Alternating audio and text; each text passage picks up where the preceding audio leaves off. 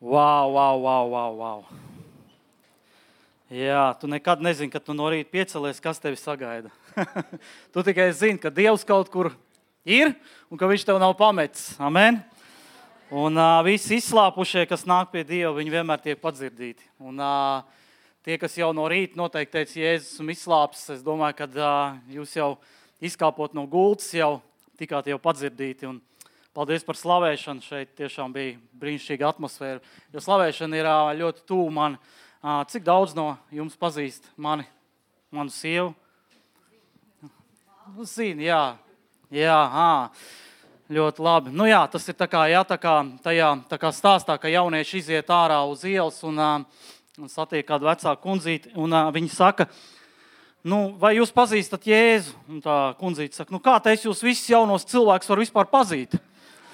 Nu, tāpat apmēram pār manīm. Jā. Nu, kā var visu pazīt? Jā, tā, kā,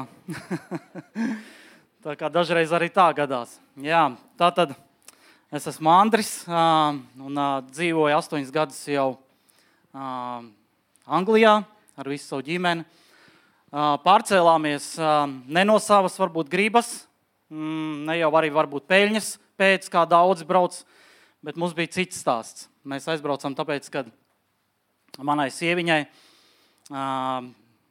pēdējais bērniņš, kas ir Rafēls, viņš, viņam tika konstatēta mm, diagnoze Es jau aizmirsu, labi, neteiksim, diagnozes, tur es aizmirsu, kā viņi sauc. Bet nu, viņam nav vienas daļas sirds. Tā tad viņam ir tikai pussirds, un tā pati, un tā pati ir tikai palīga sirds. Nu, mums, mums pateica šeit Latvijā, ka tādas operācijas ir notikušas tikai četras. Uz jautājumu manu, cik no tiem ir izdzīvojuši, bija klusums. Un tad, tad es teicu, kur tad var to, kur var to operāciju taisīt? Es teicu, man ir draugi Anglijā. Es teicu, nu, mēs varētu braukt uz Angliju un, un mēģināt tur to operāciju. Un tā, tā ārste bija neticīga, bet man tā pilnīgi izskrēja cauri, ka viņa man teica, dariet to tagad. Un mēs mēnešu laikā savācām visas savas mantas, visu, kas mums bija, kaut ko pārdevām, kas vēl bija pārdodams, paņēmām un vienkārši mēnešu laikā aizbraucām prom uz Angliju. Protams, tajā galā mums palīdzēja, sagaidīja. Un uh, tie, kas nezina to stāstu, tad uh, jā, mums bija pusgads, mums bija vienkārši. Nu, iedomājieties, jūs atbraucat uz svešu valsti, ja? man pat lāga valoda nebija. Es pat vispār nesapratu, kas tur notiek.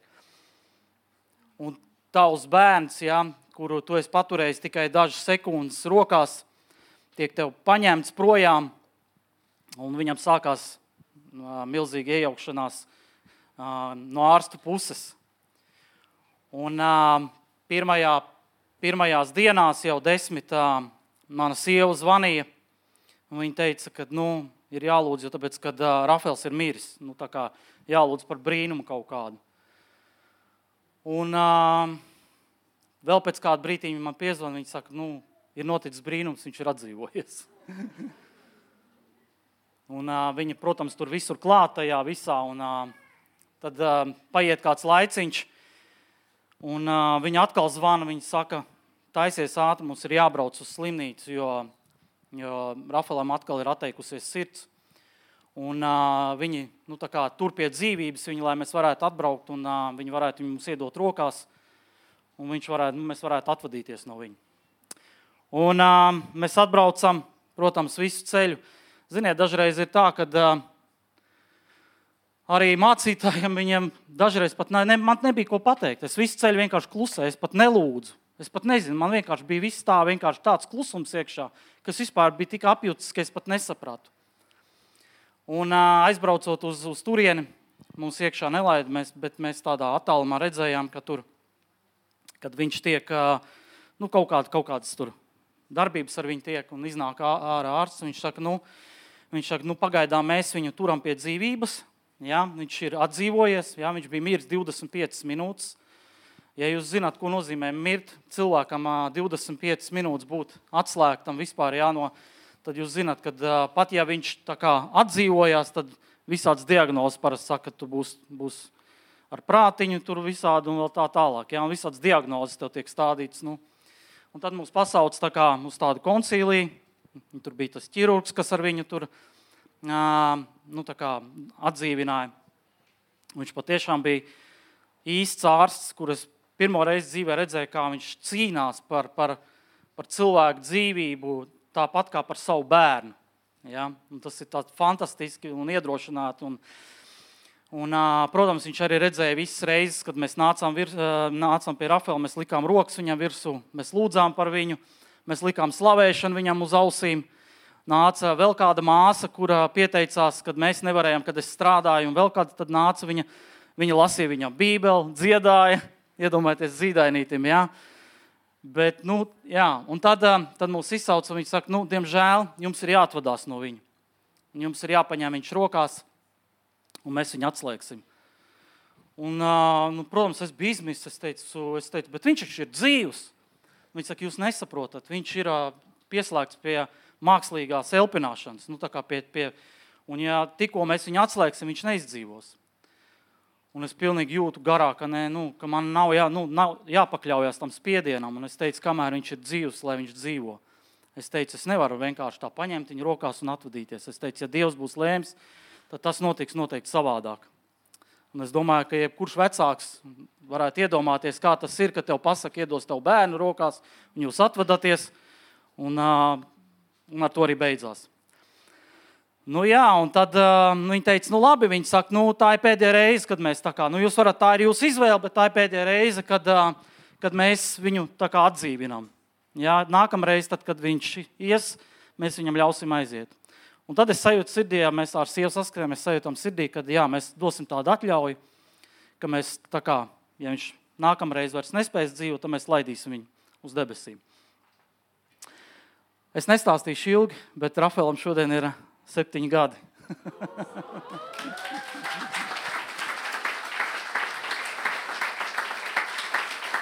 Viņam ir septiņi gadi, un uh, viņš, viņš ir tik aktīvs. Jā, viņam nav nekāda prāta, tāda, viņš ir tik gudrs. Viņš var tēti apvest ap diviem pirkstiem, viens, divi. Un māmu tāpatās. Jā, viņš ir tik gudrs vienkārši, uh, jā, viņam ir mazliet, mazliet nokavēšanās, viņš pusgadu, iedomājieties, viņš pusgadu sēdēja zem zālēm, divreiz miris. Jā, un, tas ir, nu, tur ir skaidrs, jā, tas ir brīnums, kā viņš vispār vēl staigā.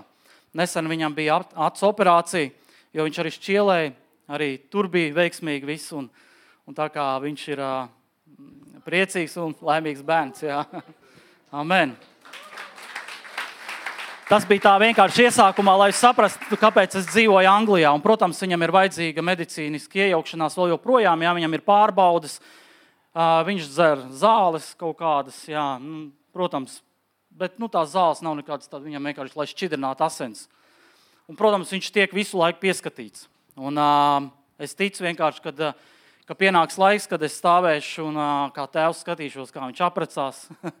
kā viņš atrod sev sievu, un uh, viņiem ir laimīga ģimene un bērni dzimst. Un, un es pilnīgi tam visam ticu, jo pilnīgi es uh, redzu, ka uh, nu, es vispār neskatos uz viņu kā uz kaut kādu, nu, ka viņam kaut kas varētu notikt.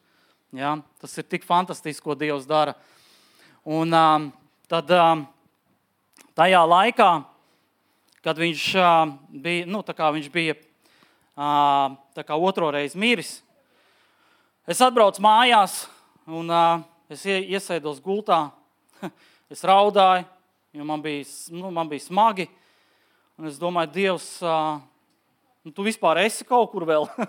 jo man bija pilnīgi nekādas sajūtas, vispār nekādas, vispār klusums pilnīgs.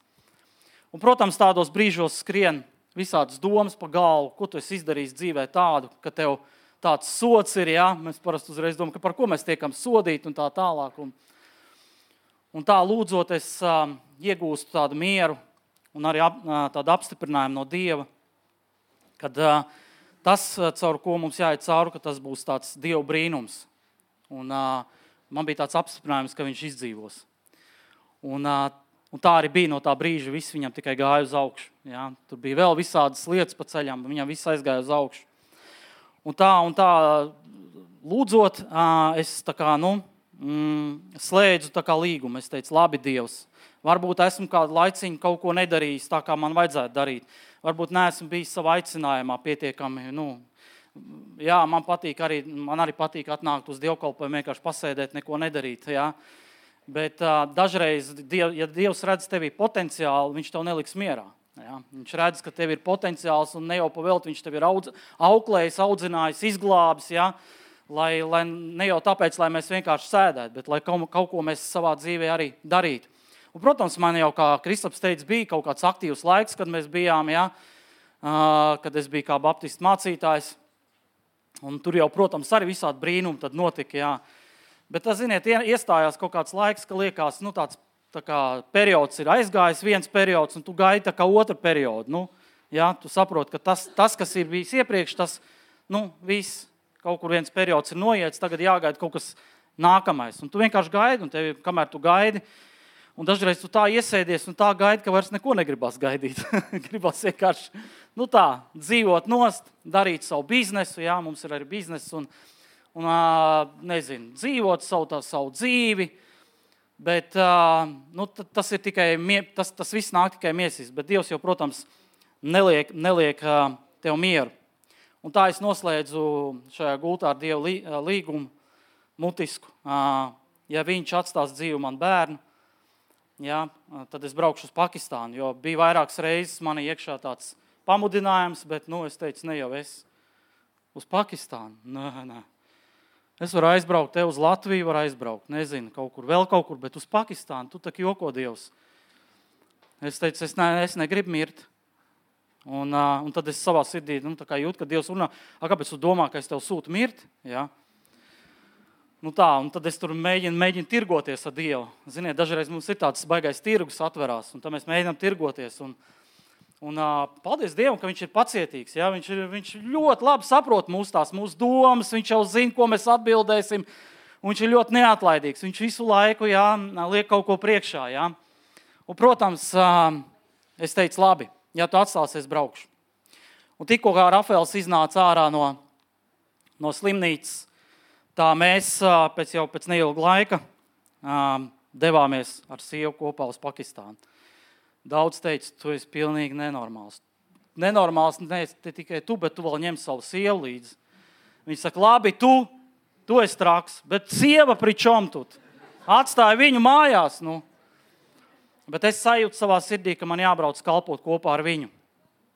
Un tā mēs arī uh, devāmies, devāmies uh, uz šo Pakistānu, nezinot vispār cilvēkus, tikai pazīstot Facebookā. Iedomājieties, jūs braucat uz musulmaņu valsti, kur musulmaņi ir 98% un 2% kristieši. Jūs sagaidat cilvēkus, kurus jūs esat tikai redzējuši Facebookā, nu, vai nu, tie, nu, kā, sazvanījušies tiešraidē. Ja?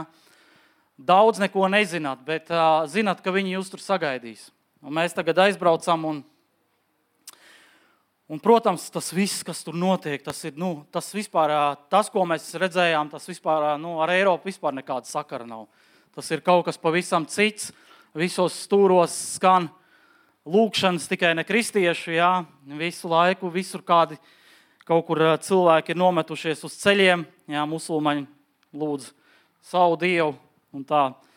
Un uh, tu brauc, un tur uh, brauc vienkārši briesmīgi visi. Ja jūs domājat, ka Latvijā briesmīgi brauc, tad Latvijā es te vienkārši baudu, kā brauc. Jo tur vienkārši brauc, tad, kad vairs nevar pabraukt pa vienu joslu, tad brauc pretējā joslā. Un uz jautājumu, kāpēc tu brauc pa pretējo joslu, jo tā esot tuvāk. Un es teicu, nu, jūs vispār, kurš jums tiesības ir, nu, kurš jums vadītāja apliecība ir piešķīris? Viņi saka, nē, nu, daudziem jau te vispār viņas nav. Es teicu, bet tev ir? Nu, jā, viņš saka, man ir, jā. À, nu, es teicu, labi, nu, tad vismaz tāds miers atnāca.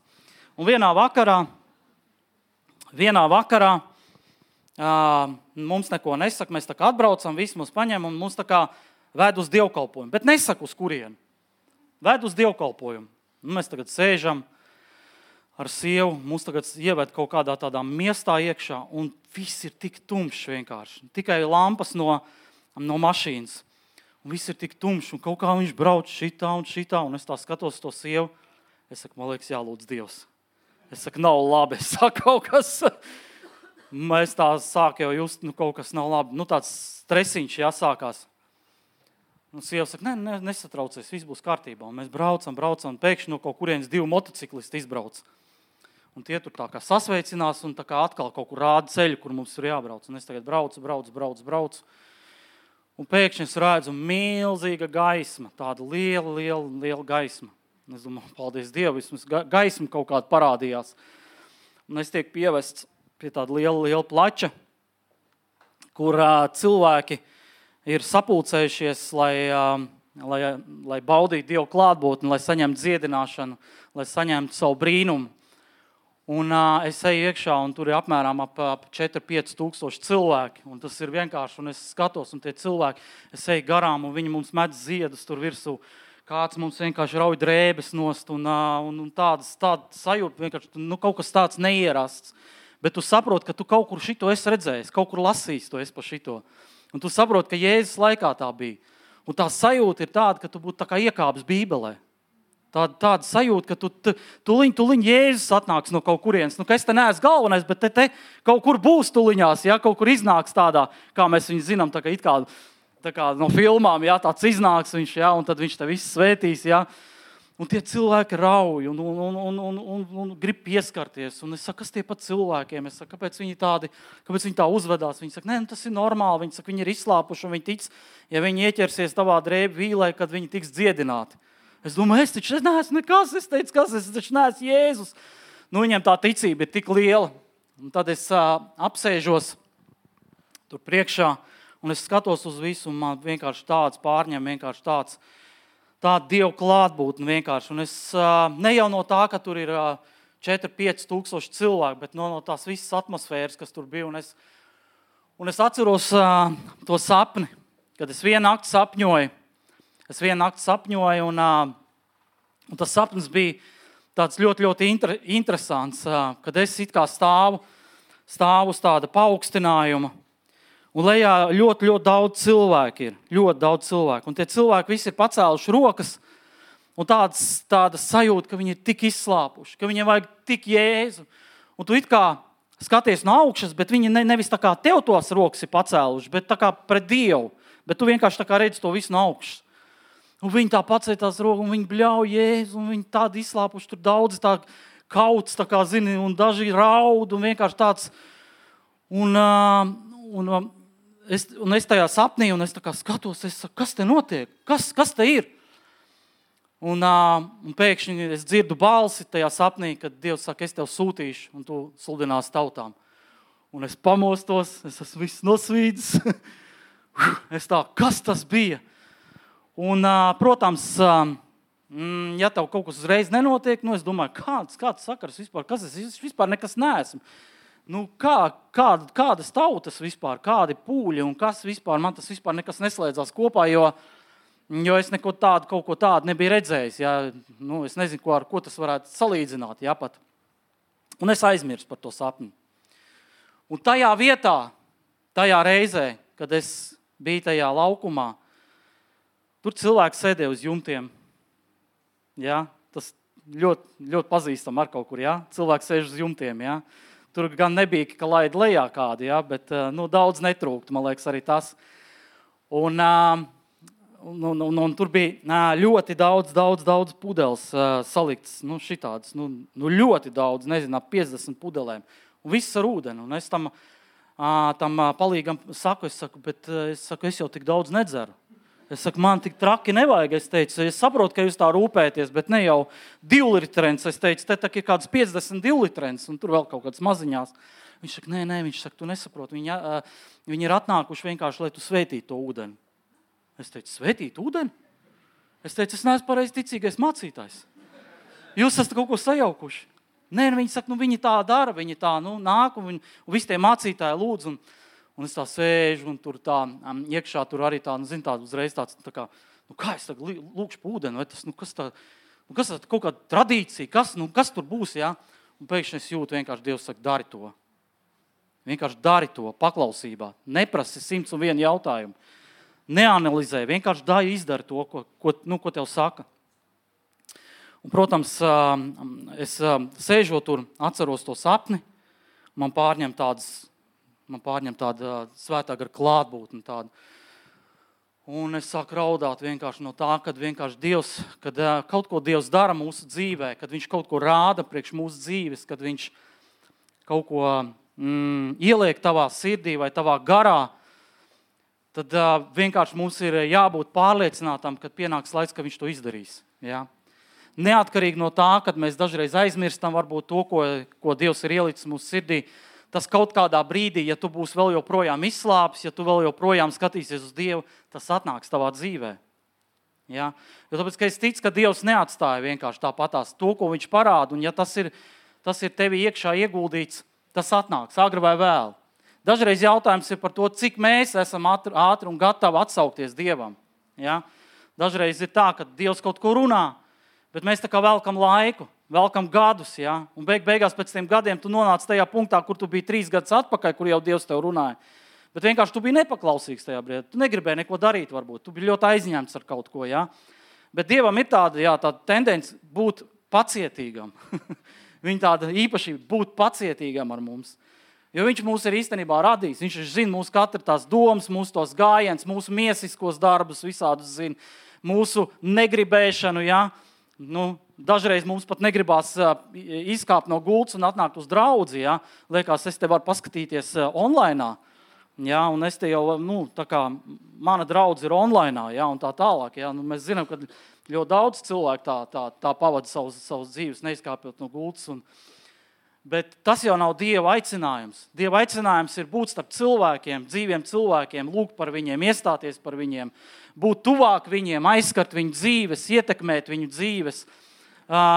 Jo bija tāds brīdis, kad es arī man likās, es sēžu, un man liekas, nu, kaut kāda varbūt tāda, nu, tāda augstprātība ienāk dažreiz. Nu, ko es te sēžu? Vienkārši man liekas, ka man jau ir cits līmenis. Jā, liekas, tā man ir cits līmenis. Es te atnācu, bet nu, te pārāk, nu, pārāk tā kā tā baro tā kā bērnus. Jā, liekas, jau man ir cits līmenis. Nu, tā jau varbūt ir augstprātība pat. Bet uh, vienā reizē šādā, šādā es arī gribēju palikt mājās, un Dievs teica, vai celies augšā un ej uz draugu. Jo tāpēc, ka cilvēki gaida, cilvēki gaida, kad kāds pa viņiem aizlūgs. Un varbūt tu esi vienīgais, kas vispār var atnākt uz to draugu un uzlikt viņiem rokas virsū. Un tu esi vienīgais, kas vispār aizlūdz par viņiem. Tu esi vienīgais, kas viņiem varbūt var pateikt, ka Dievs tevi mīl, un varbūt tu esi vienīgais tāds, kurš vispār uh, var izmainīt viņu dzīvi vienā, vienā, vienā sekundē. Un man tā domāšana pilnīgi no tā laika izmainījās. Es neeju uz draugu, tāpēc, ka es šeit gribu pasēdēt vai kaut ko, bet es eju uz draugu, lai meklētu iespēju kādu cilvēku dzīvi aizskart. O, oh, halleluja! Ja tāpēc, tas ir mūsu aicinājums. Aizskart cilvēku dzīves, izmainīt. Jo Dievs jau nav mūs mainījis vienkārši nu, tāpēc, lai mēs te vienkārši atnāktu, uh, pabūtu, bet Viņš ir mūs mainījis, lai mēs nestu to vēstu tālāk.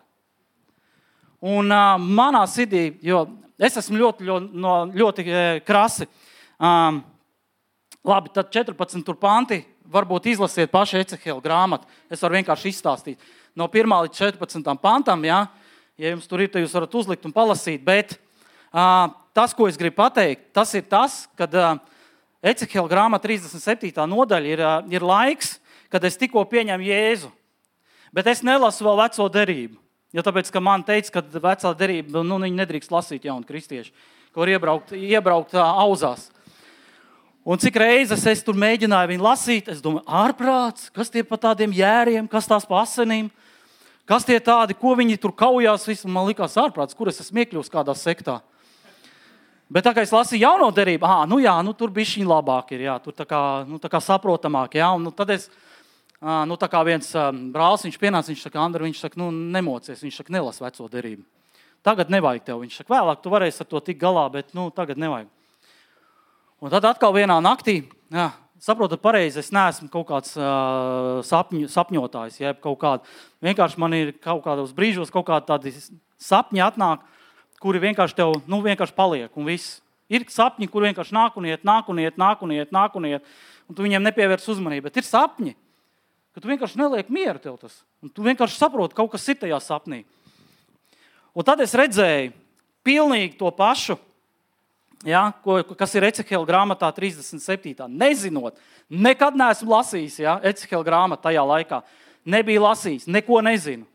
un lasu Ecehela, tā, tā kā sapņotu Ecehela grāmatu, kad es esmu arī tādā laukā, ja, tā, ka tur ir pilns ar kauliem. Ja, Dievs man saka, sludini uz tiem kauliem, ja, lai viņi top dzīvi.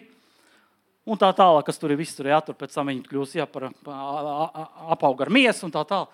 Un es arī pieceļos un wow!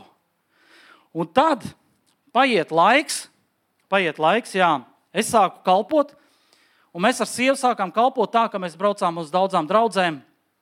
Mūs aicināja uz draugiem, un mēs tā kā, nu, tāpat kā viesmācītāji aizbraucam, slavējam tur, mums iedod to laiku.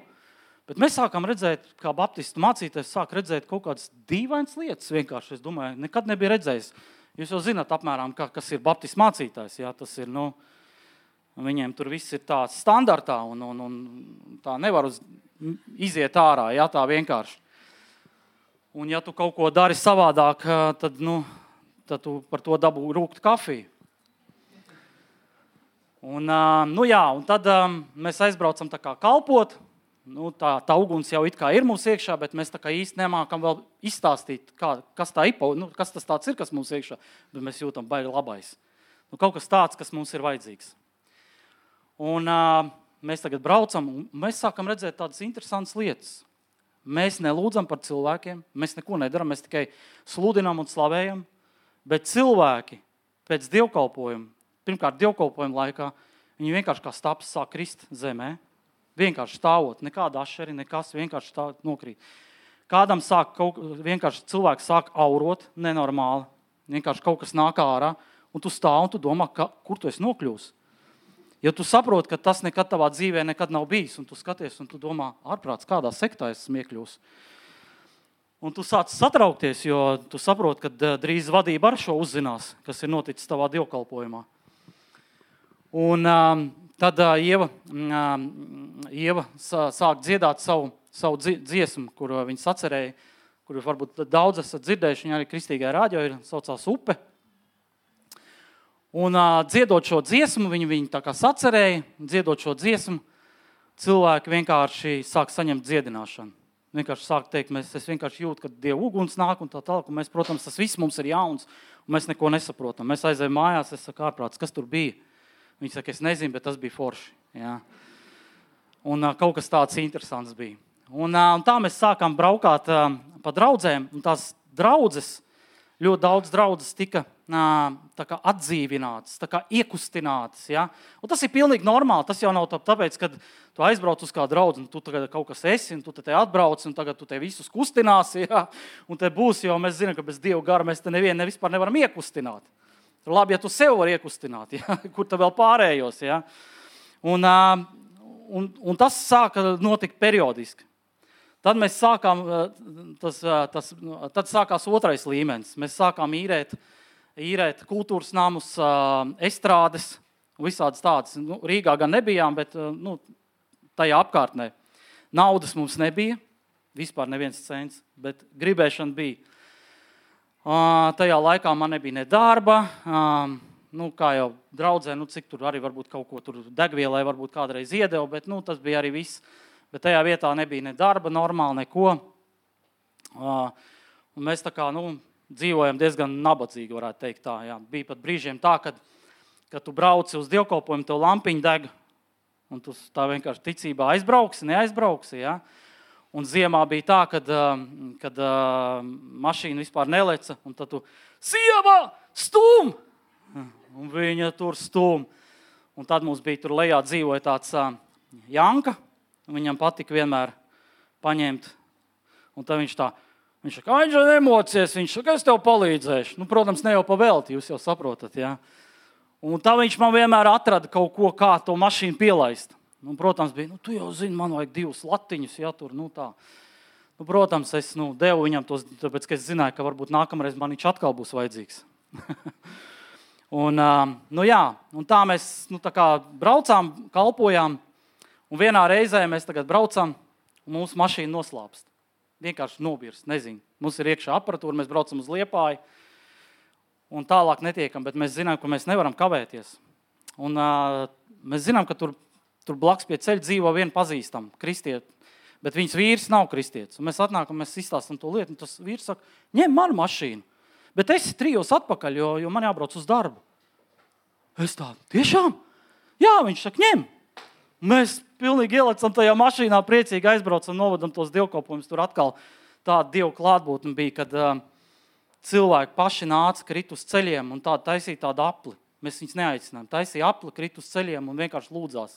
Tāda atmosfēra bija. Un šito mēs redzējām visur, kur mēs braucām. Protams, mums bija jau ieguldīta, kā jau Kristaps teica, 2007. gadā mums jau bija pamati. Tas, ka mēs ar ielas evanģelizāciju kaut ko nodarbojāmies, ja sākām darboties. Bet nu, mēs vairāk tā braucām pa Latviju. Kā viņš teica, dažreiz bijām uz Pēterburgu, protams, un, un arī visādi bija nu, zīmes un brīnumi tur. Jā. Un, kā jau viņš teica, ne tikai dzērāji nāca uz dievkalpojumu ar savām pudelēm, bet bija laiks, jā, viņš aizmirst pateikt, kad, kad, tad, kad mēs atnācām pēc evanģelizācijas svētdienas uz dievkalpojumu, tad visi tie dzērāji gulēja pie draudzes zālītē.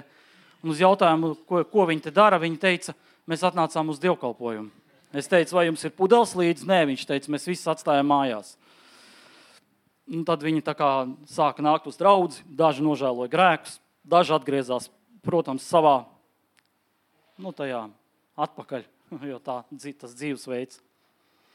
Un, jā, un mēs sākām redzēt šo Ecehela grāmatu. Vienkārši es pilnīgi redzēju, jā, un es sapratu, ka Dievs vienkārši kaut ko gatavoja mūsu sirdī. Tā kā ir ļoti svarīgi, kad mēs paņemam to, ko Dievs mums rāda, un kad mēs to nesakām, man tas nav priekš manis, jā, ka mēs pārāk zemi dažreiz sev novērtējam. Mēs tā kā liekas, ka mēs neesam cienīgi, jā, mēs neesam cienīgi darīt lietas, jā, tur braukt kaut kur misijā, braukt kaut kur pa kādiem lūgt, vēl kaut ko. Jā mēs neesam cienīgi to darīt, vēl kaut ko. Ja?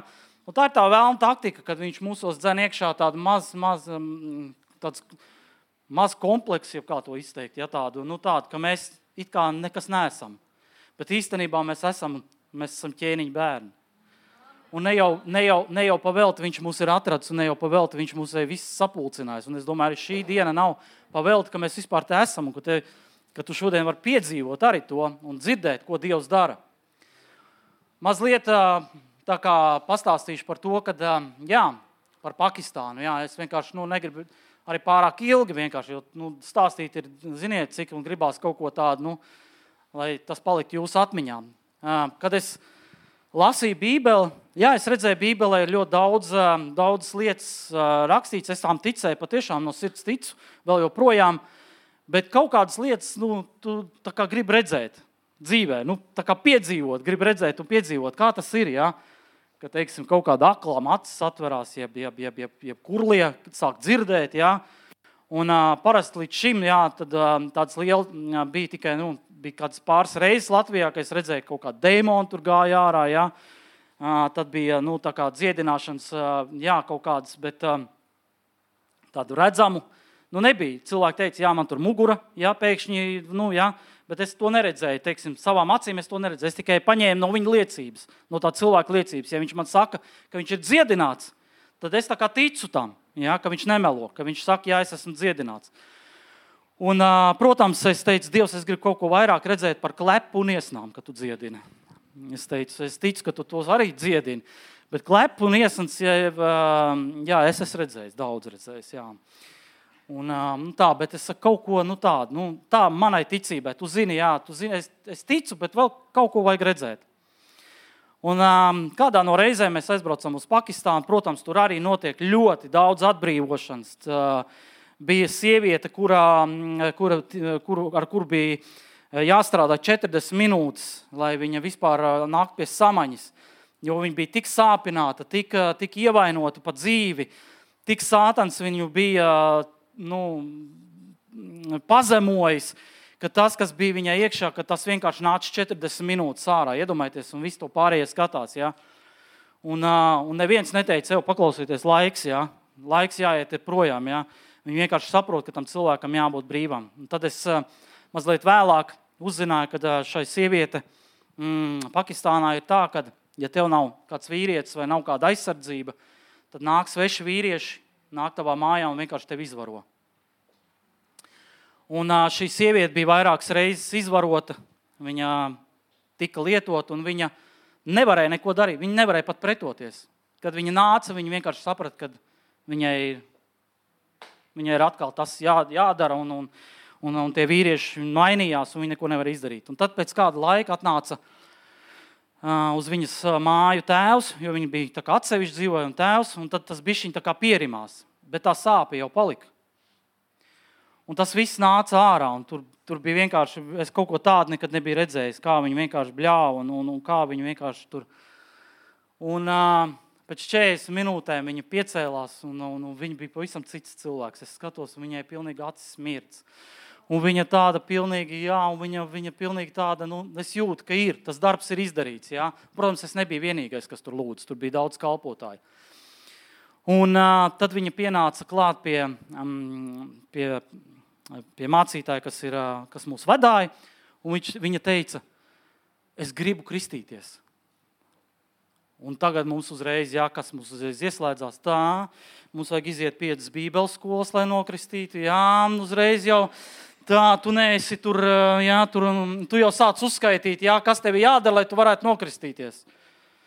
Bet tur, tajā atmosfērā, tu saproti, ej un kristies.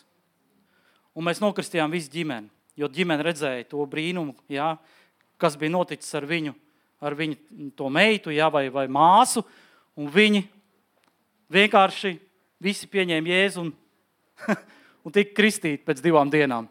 Slavu Dievam! Un tad bija vēl viens tāds, tāds interesants gadījums. Es esmu vispār tāds interesants cilvēks. Parasti nu, tā ļoti neapjūku. Un tur bija arī kāda māte. Mēs tur sēdējām kādā, kādā mājā, kur mums bija uzaicinājuši ēst. Un iedomājieties, ēdienas bija tā. Tur bija rīsi, jā, tas bija pirmais ēdiens, un saldais ēdiens bija rīsi ar cukuru. Es teicu, ka es šoreiz galēju, ka es neēdīšu, ka man nav apetīts. Jo rīsa cukuru es ēdu kaut kad bērnībā. Bet tā atmosfēra bija tāda, ka tur vienkārši ganās govis.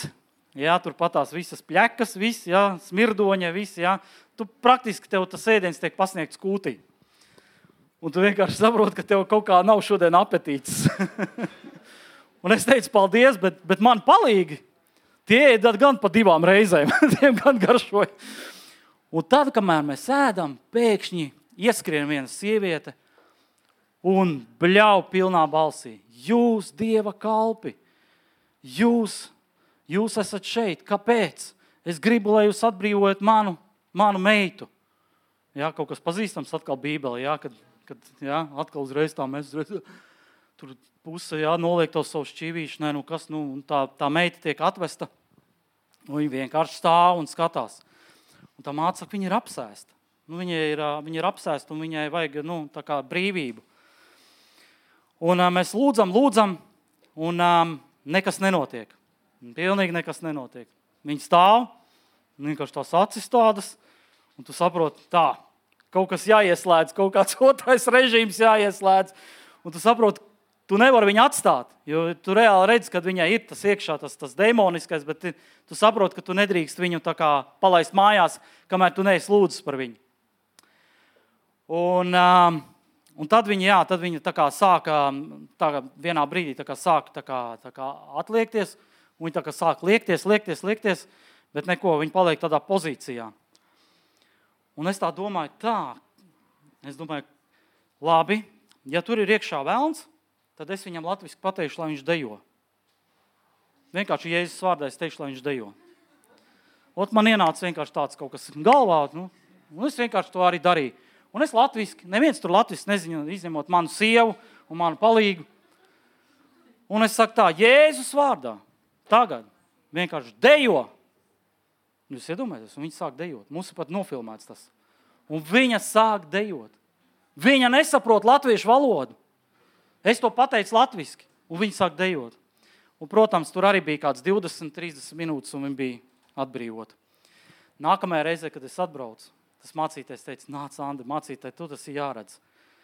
Un es saku, kas, kas, kas notika? Viņš saka, tas ir brīnums, kas notika pēc pagājušās reizes. Viņš saka, atcerieties to sievieti, kur, par kuru jūs tur lūdzāt, kur, no kuras dēmoni izgāja ārā. Es saku, jā, jā, es atceros, ļoti labi atceros to, to momentu. Viņš saka, nāc, pasties uz viņu. Un es skatos, viņa ir tik skaista sieviete, sakrāsota tāda. Viņa stāv uz skatuves. Saka, kāpēc viņa skatuves stāv? Viņa saka, viņa ir svētdienas skolotāja. Tas notika nu, gada laikā, kad es atkal pēc tam nākamā reize aizbraucu. Viņas vīrs dabūja foršu darbu. Mēs iegājām viņa namā. Vairs nebija tikai rīsi, tur bija gaļa. Jā, tas jau kaut ko rāda. Jā, mums tas varbūt liekas, jā, bet priekš viņiem tas ir tāds gaļa. Tas ir nu, tā, kaut kas, es nezinu, tāda ekstra, kā varbūt dažiem no mums nezinu, kādas nu, citas lietas. Jā. Tā ir viņam ekstra gaļa. Viņi praktiski ēd tikai maizi un rīsus. Jā, tas ir tas, ko viņi var atļauties ēst. Un, jā, nu, protams, ka tu tajā visā peldi, tu vienkārši redzi, Dievs ir reāls, Dievs ir dzīves, un vienkārši tas tevi stiprina. un tu saproti, ka, ka, tas, ka tas, kas tur notiek, tev ir tāda pārliecība, ka tas nenotiek tikai tur, ka tas var notikt jebkur. Vienkārši es sapratu, ka tas, tas kas tur notiek, tas ir atkarīgs no mūsu ticības vispār. Un viņi ir ļoti izslāpuši. Ja? Mēs dažreiz varbūt atnākam uz draugu, nu, un tā liekas, nu, ko tu man te vari iedot? Nu, kas, nu, kas, nu, mēs jau esam redzējuši tādus jau. Te nāk un iet viņi, ja? apmēram tādi evaņģēlisti visādi. Ja? Bet, ka tu reāli viņiem Viņiem tas ir brīnums. Viņiem pirmkārt tas ir brīnums, ka kāds uz viņu ciemu ir atbraucis. Jo parasti jau uz tādām nabadzīgām vietām nebrauc. Tad, kad brauc visi lielie mācītāji, viņi vispār neiet uz tādām vietām. Viņi atbrauc, viņi paņem stadionu, nosludina un aiziet. Bet mēs, mēs braucam no mājas uz māju, mēs braucam dažreiz priekš ģimenes. Mēs ejam dēļ diviem cilvēkiem, mēs ejam dēļ pieciem cilvēkiem. Ja? Mēs aizbrauksim uz draugu, kur ir tikai 20 cilvēki. Ja? Mums ne, Mums nav standartu. Ja? Mēs esam gatavi tērēt naudu, lai brauktu trīs stundas, lai apmeklētu draudzīti, kurai ir 20 cilvēki, un kurā nekad nav bijis kāds evaņģēlists vai kāds, ja, kas atbrauc un aizlūdz par viņiem. Un mēs uh, braucām uz tādām vietām, un tur mēs vienkārši redzam brīnums. Tur ir visi tie lielākie brīnumi, tur ir tas lielākais izsalkums. Un, ja jūs redzētu, kā, kā, cik izslāpuši ir bērni tur, Es teicu, Dievs, man ir greizsirdība. Man ir greizsirdība. Es gribu, lai mani bērni vienkārši tā, tā, tā, tā tik izslāpuši būtu pēc, pēc tevis, Dievs, ka viņi nemeklētu neko citu. Viņi skraida. Viņi, viņiem nav, nav, nav, nav krūtākie telefoni, bet viņiem ir kaut kāda, kaut kāda satiec, kaut kāds satīts dvielis, un viņi spēlē futbolu. Ja? Un tad viņi tur met kaut kādus riņķus no koka, paši iztaisījuši. Tad viņiem ir hokeja nūjas pašiem iztaisīts. Nu, kaut kur bija atgādina man bērnību. Ja? Tādu, ja? bet, bet tu redzi, jā, bet, bet tad, kad viņi ir dievkalpojumā, viņi sēž pirmajās rindās un viņi va tā. Un tas tev vienkārši, tu tā skaties uz viņiem, ja? Un bija kāda reize, kad viņi tur sāk skaļāk uzvesties, nu kā jau bērni, mēs jau zinām. Viņi sāk skaļāk uzvesties, un tie kalpotāji. Man viņi netraucēja īstenībā, nu nebija tik skaļi, lai viņi, es sludināju. Un uh, viņi apsēdās ļoti, ļoti tuvu pie manām kājām, viņiem visu laiku patīk skatīties uz tevi tā. Viņi visu laiku skatās uz tevi, jo viņiem tas ir brīnums. Ir ceļš, ka ieva atbrauc, tas ir vispār. Viņiem liekas, ka eņģēlis ir atnācis no debesīm. Tie blondie mati, ja, un tas viss tas gaišais, viņi nekad nav neko tādu redzējuši. Ja. Viņi visi apstulbs, kas tas ir. Ja kas tas nu, nu, tā ar viņu dažus arī sauc par eņģeli. Jā. Un tas, tas, tas kalpotājs, viņš saka, nu, kā, ejiet prom no šejienes, ejiet prom un dzem tos visus bērnus. Jūs atkal kaut ko redzat, kaut kādu līdzību, ja, Bībelē. Ja?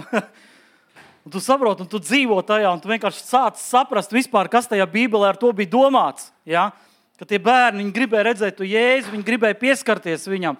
Viņi gribēja būt pie viņa kājām, viņi jūta, ka, ka, ka tur ir kaut kas savādāks. Ja? Un tad atnāk kāds, kas grib visu laiku tev dzīt projām. Ja? Ejiet projām, ejiet projām. Un es teicu, stop! Un es tā arī pateicu. Es teicu, nedzeniet viņus projām, lai viņi paliek šeit, laidiet bērniņus, lai viņi te patās sēž un lai viņi piedzīvo Dievu. Jo tāpēc, ka tad, kad ir aizlūgšanas, ziniet, kur ir pirmie, lai par viņiem aizlūdz, tie ir bērni.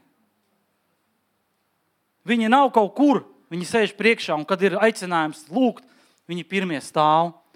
Un viņi nestāv vienkārši. Viņi tā aiztaisa astiņas, pacēla savas rokas. Un vienkārši daži raud, daži vienkārši smējās kaut ko, daži vienkārši ķiķinās kaut ko. Nu, nu kā tādas reakcijas viņiem ir? Dažreiz viņiem, kad draugi, varbūt viņiem kauns no drauga, viņš tā, tā savu draugu. Nu tā, jā, bet viņš tā kā grib, lai par viņu lūdz. Un viņi tā piedzīvo to Dievu.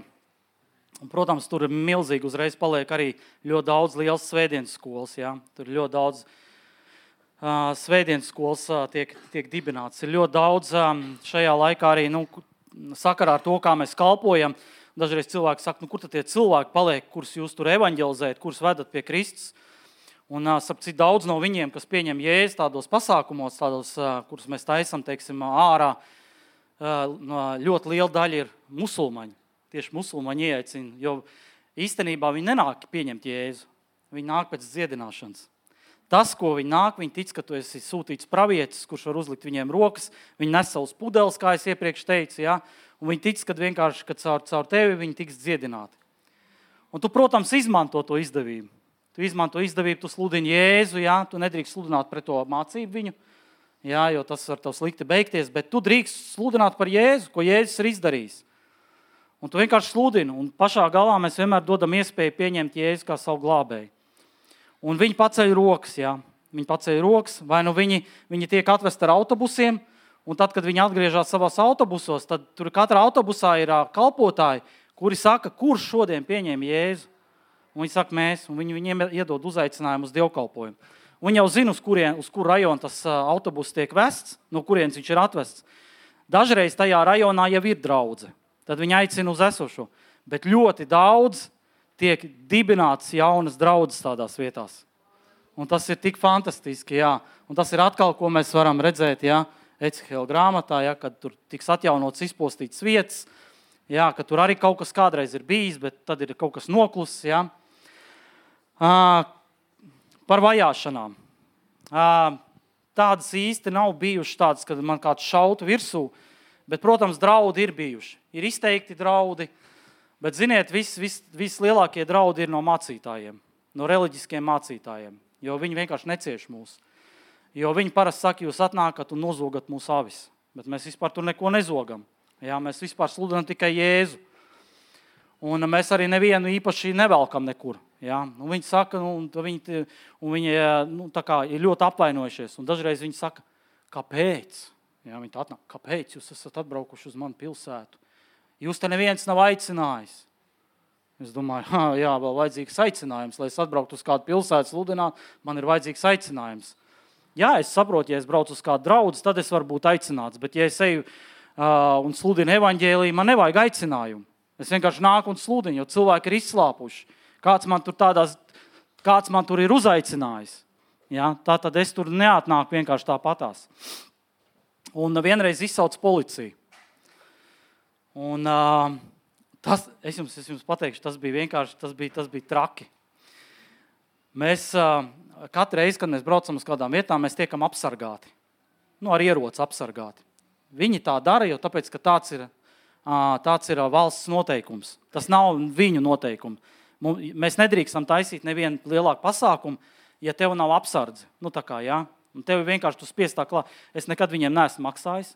Es teicu, ja gribat apsargāt, es teicu, es neko nemaksāšu. Es teicu, es par lodēm nemaksāju. Es tikai baroju, te, nezinu, cilvēks baroju. Es saku, man nekāds sakars, es saku, es nebaidos. Bet viņi saka, jūs saprotat, bet tāds ir. Nu, tā tie kalpotāji kaut kā tiek galā tur laikam ar viņiem. Tur, nezinu, vai. Un tagad viena ģimene, kur mums ir pazīstama, viņi saka, nu, mēs tā kā iesim jums līdzi. Viņš saka, man ir atļauja uz šaujamo, bet man nav atļauja tajā, tajā zonā, kur mēs brauksim. Bet viņš saka, mēs vienalga, lai nebūtu jāmaksā, tad mēs kā, būsim jums līdzās. Mēs tagad aizbraucam uz turieni. Nu, viņš mums tur sēž blakus, un tagad tā policija atbrauc. Jo tur viens katoļu mācītājs bija izsaucis policiju. un tagad tā policija, un viņš ieraudzīja to policiju, viņš saprot, ja viņam tagad atradīs ieroci, viņam anulēs to viņa, ja? un viņš iedomājieties to ieroci iemet manai sievai somā. Un es tā skatos, es saku, ko tu dari? Viņš saka, nē, jūs nepārbaudīsiet, jūs neko nedarīsiet, mūsu pārbaudīs, lai viņš tur stāv. Es teicu, tu joko mums cietumā ieliks. Nē, nē, viņš teica, lai viņi tur stāv, nerāda nevienam. Iedomājieties, kāda sajūta, ja atbrauc evaņģēlists, tu viņam iemet pistoli somā, ja? ieroci. Protams, man augsti sviedri. Es jau esmu aizmirsis, kas man jāstāsta, kas man jāsludina. Pilna galva, es domāju, nu ir itīgi. Un tagad tie policisti atnāk, viņi tur pasauc tos kalpotājus. Viņi saka, kas te notiek? Nu, viņi saka, nu, mums ir sapulce, nu, mēs neko nedarām. Vienkārši te slavējam, vienkārši À, viņš saka, ne, ne, normāli. Viņš saka, es neredzu, ka te būtu kāda pārkāpuma. Jā. Viņš saka, jā, turpiniet darīt. À, jums ir ārzemnieki. Jā. Nu, viņi saka, jā, mums ir atbraukuši cilvēki, jā, no, no evaņģēlisti. Viņi te vienkārši labi. Viņi saka, tad mēs paliksim vienkārši apsargāt viņus. Tad iedomājieties, tas, kas viņu izsauc, tad beigās pārvērtās no tā, viņu, mēs nemaksājam par to, bet mūs jau policija apsargā. Tā tad mums jau ir jau sava apsardze. Jau. Es vienkārši nebrīnos, kā Dievs visu to pavērš. Es vienkārši, es vienkārši saprotu, ka Dievam ir arī savs humora izjūtas, ja dažreiz, bet nu, šitā vienkārši, ja, kad no tā, ko tev tuliņās, kurš tev domā, ka tev apcietinās, ja beigās paliek par tavu apsargu. Un uh, dievkalpojums beidzās, mēs droši aizbraucām mājās. Viņi bija priecīgi, tie policisti. Tur pamāja, mēs vēl tur svētījām viņus. Un viss bija forši. Un beigās to ieroci atdeva. Es teicu, vairāk šī tā nedara. Es Es saku, mēs sirdstrieku dabūsim šitā. Nu, viņiem tas ir pilnīgi normāli. Viņiem tas ir kaut ko tādu izdarīt. Jā, un, protams, šajā laikā, kamēr mēs esam bijuši, es jau, es esmu jau mazliet apjūts, cik reizes esmu bijis, un man tagad bija jābrauc lieldienās. Bet sakarā ar to, ka bija, tur bija politisks represijas kaut kādas, tur, tur veco premjerministru nozaga no mājas, aizved uz tiesu, jo tāpēc, kad drīz vēlēšanas, un viņi negrib, ka viņš atkal kandidē, jo viņš atbalsta kristiešus arī. Ja? Viņš ir ļoti gudrs cilvēks, un viņ, viņš arī nu, aizstāv kristiešus. Protams, tie musulmaņi to negrib. Un viņi viņu apcietināja, iedomājieties, atnāk mājās, vienkārši izvilkt to no mājas bez ordera, bez nekā. Vienkārši iesēdina mašīnā, cilvēku tauta apmēram tā kā sit viņa krustā, apmēram, būtu apmēram kaut kas tāds, jā, pilns ar cilvēkiem, visi laužās, un viņi aizved uz tiesu. Un tas tiesnesis saka, saka kas, ko jūs darat? Kāda, kā, kā, kāpēc jūs viņu esat izraujuši ārā no mājas? Ar kādu pamatu vispār laižat viņu vaļā? Un viņš uzspiež štampogu, nu, kad tas tiesnesis uzspiež tam, ka viņš ir jāatlaiž to daļu, un vēl mēnesi vēl nedrīkst viņu aiztikt. Un, un, protams, jā. Un viņi atlaid vaļā, un, protams, visi pagriezās pret to tiesnesi. Tagad visi devās stūrēt to, to tiesas māju, lauza ārā vārtus, pēc tam gāja uz tā tiesneša māju, lauza, izlauza, izlaupīja viņam visu māju. Nu, vienkārši nekārtības. Nu, tā mums arī neiedeva vīzu, jo viņi vienkārši to drošības pēc dara. Nu, arī es domāju, ka tur arī īpaši tādā laikā nav ko darīt. Ir, mēs esam bijuši, kad, kad ir bijuši sacelšanās, tautas sacelšanās. Mēs vienreiz mums bija paredzēts dievkalpojums, kur bija desmit tūkstoši cilvēkiem jāatnāk, un, un mēs vienkārši netiekam dēļ tā, ka tur ir tur ir nekārtības. Un mēs sēžam uz jumta un dzirdam, kā tur šauj, bļauj, un viss tur vienkārši tur ārprāts. Vienkārši. Un es teicu, varbūt mēs varam tur pa maliņu. Viņš teica, nē, nē, viņš saka, tur nelien. Viņš saka, mums tur nošaus vienkārši. Viņi, viņi no sākuma, viņi sevišķi, viņi domā, ka ja tu esi amerikānis, viņi pret Ameriku ļoti vēršās. Un viņi no sākuma tev nošaus un pēc tam tikai tautību prasīs. Viņa teica, tev, nav, jā, tev, tev tur nav jā, jālien. Un, uh, mēs, protams, mēs saprotam, ka tie vietējie taču labāk zina.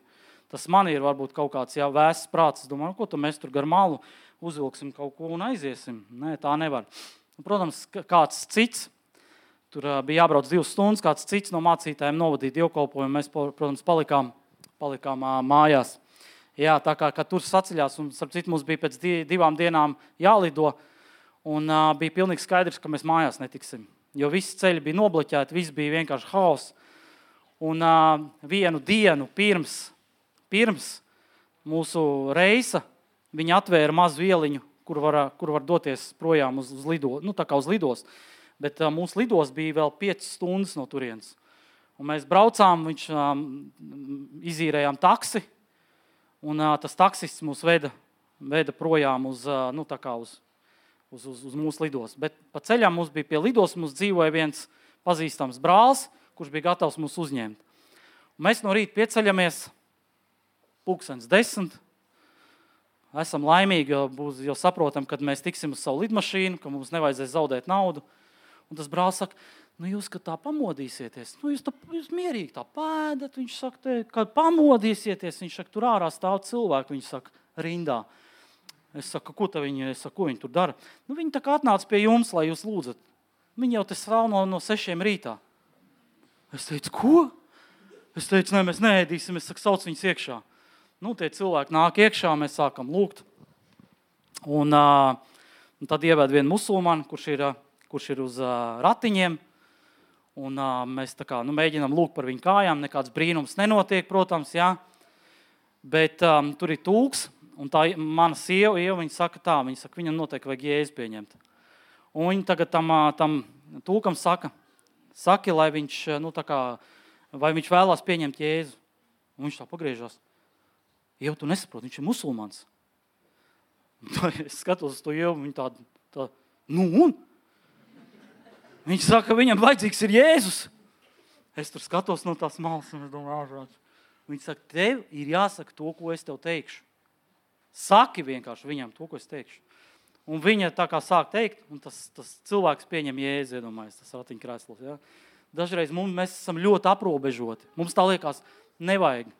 Šitām nevajag. Tas ir tāds, tas ir pa, pa dusmīgu, tas ir, pa, tas ir vēl kaut kāds. Ja? Un mēs tā kā atliekam, un liekas, nu, tas vēl nav gatavs. Ja? Mēs tā kā izdomājam, kurš ir gatavs, kurš nav gatavs, kuram vajag jēzu, kuram nevajag jēzu. Bet mēs taču patiesībā zinām, ka visiem vajadzīgs ir jēzus. Visiem ir vajadzīgs jēzus, vai viņš ir, vai viņš ir lai vienalga kādā reliģijā viņš ir, vai kur viņam katram ir vajadzīgs jēzus. Un, un tas ir tas, ko mēs vispār darām.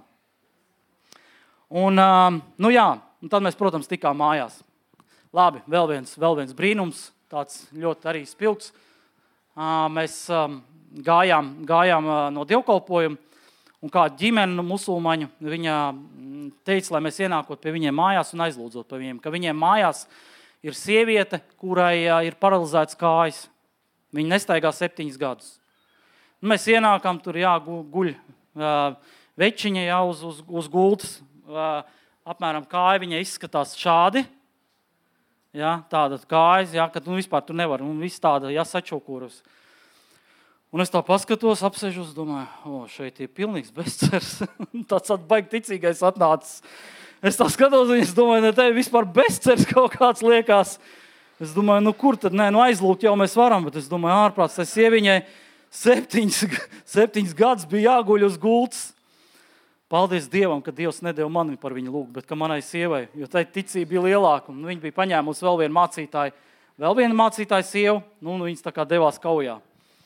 Un viņas tā kā sāka lūgt, nu, es tagad izvelku telefonu, tā kā kārtīgs reportieris, sāku filmēt sievu, viņu, jā, nu, Nu, protams, ka man nebija nekāda, nu, vispār nebija nekādas ticības, ka viņai kaut kas varētu notikt. Un tad atskan tā balss. Un tagad celies un staigā. Uzreiz. Tiešām, jā, tiešām viņi varētu staigāt, bet jūs redzat, ka tās kājas tādas, nu, pilnīgi, ja, ka tur neko nevar. Nu, kā var vispār kāju nolikt uz grīdas, liekas, un rokas vispār. Un tagad tās divas mācītājas sievas ieķerās tai večiņai padusē un saka, celies un iesim. Un viņa tagad piecēla viņa kājās un viņa sāk reāli iet. Un es tagad to visu filmēju. Un, protams, tur ir vēl viens, kas filmē no priekšas to.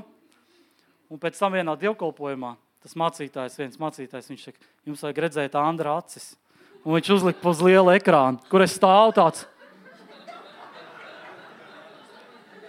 skatos un nespēju noticēt kaut kam tādam. Ja? Kā var kaut kādām tādām kājām, kā var vispār paiet? Cilvēki dažreiz ar normālām kājām nevar, kur tādām. Un viņi sāk iet, iedomājieties, un viņi aiziet, un viņi jau pa, pa, tā paņem viņu vaļīgāk, un viņi jau tā kā iet, un šitā.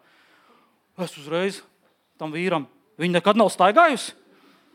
Nē, nē, viņš saka, tas ir brīnums. Nekad es saku, septiņas gadus gulēju. Nu, jā, viņš saka, septiņus gadus es visu laiku viņu apkopu. Nu, tik cik mēs viņu pārceļam, nu, tā paņemam uz rokām un aiznesam kaut ko.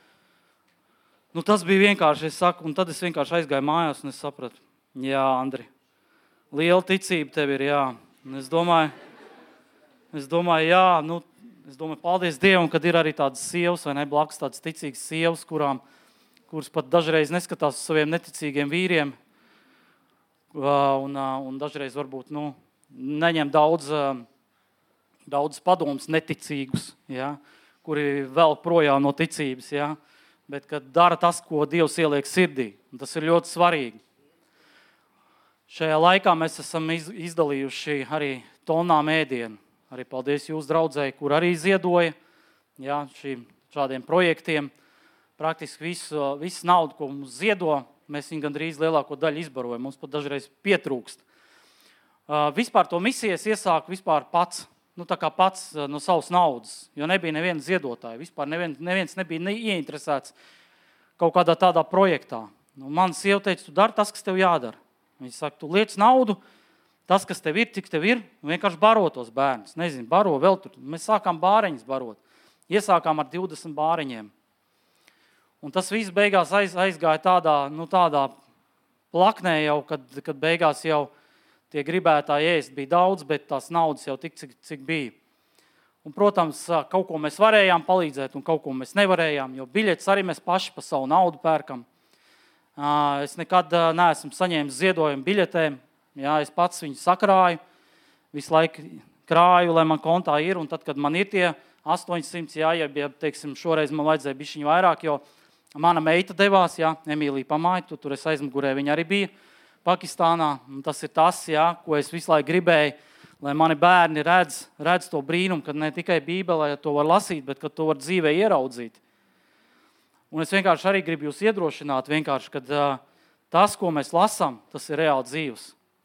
Tas ir reāli dzīves. Tas nav vienkārši, tā nav vienkārši vēsture. Tā nav smuka vēstures grāmata. Tā nav tikai, tā, tas, tas nepiepildās tikai kaut kāda īpaša mācītāja kaut kādās sapulcēs. Jā, mēs tur aizskrienam, un tad mēs tur redzam, tas var notikt jebkur. Es esmu redzējis vis, viszemākajās vietās, jā, vis, visliekas, vispamestākajās vietās. Esmu redzējis vienkārši milzīgs Dieva brīnums, ko Dievs dara. Viņš vienkārši reāli kustās. Jā. Un, uh, es jūs vienkārši gribu iedrošināt, ka, kad, uh, ja mēs paliekam tajā ticībā un ja mēs paņemam to priekš sevis, ne jau tāpēc, ka varbūt es gribu vienmēr brīnums redzēt, bet ka es līdz pēdējiem esmu gatavs ticēt e, jebkādam brīnumam. Es zinu, mēs sekojam līdzi Lanai, jā, Lanas situācijai. Vai tas nav brīnums? Te patās, nekur nav jābrauc. Dievs ir šeit. Jā, tur, Anglijā, mans dēls, divreiz miris. Vai tas nav brīnums? Vai Dievs nav dzīvs, vai Dievs vēl neuzklausās? Un dažreiz mums liekas, kāpēc tas nomira, kāpēc šitā no. Dažreiz man cilvēki uzdod, kāpēc tas bērniņš nomira, kāpēc tur tas nomira, kāpēc šitam tā neveicās. Mīļais, nevar atbildēt uz visiem jautājumiem. Un tas nav arī man, nav mana prioritāte atbildēt uz visiem jautājumiem, kāpēc ar kaut ko notiek kaut kas, kaut kā dzīves posmā. Ja tāpēc, ka es nezinu to cilvēku dzīvi, es nezinu, ar ko viņš elpo, kas viņa dzīvē ir ienākts, kas, kas, kas ir jāatstāj. Varbūt ir kaut kādas lietas, kuras ir jāatstāj tavā dzīvē. Varbūt tieši otrādi kaut kas ir jāpieliek tavā dzīvē, lai tev sāk kaut kas kustēties. Ja? Tu jau nezini, kas, kas ir tās lietas. Bet es tev gribu teikt, ja kaut kas ir tavā sirdī ielikts, tad es tev varu pateikt, tikai turies pie tā.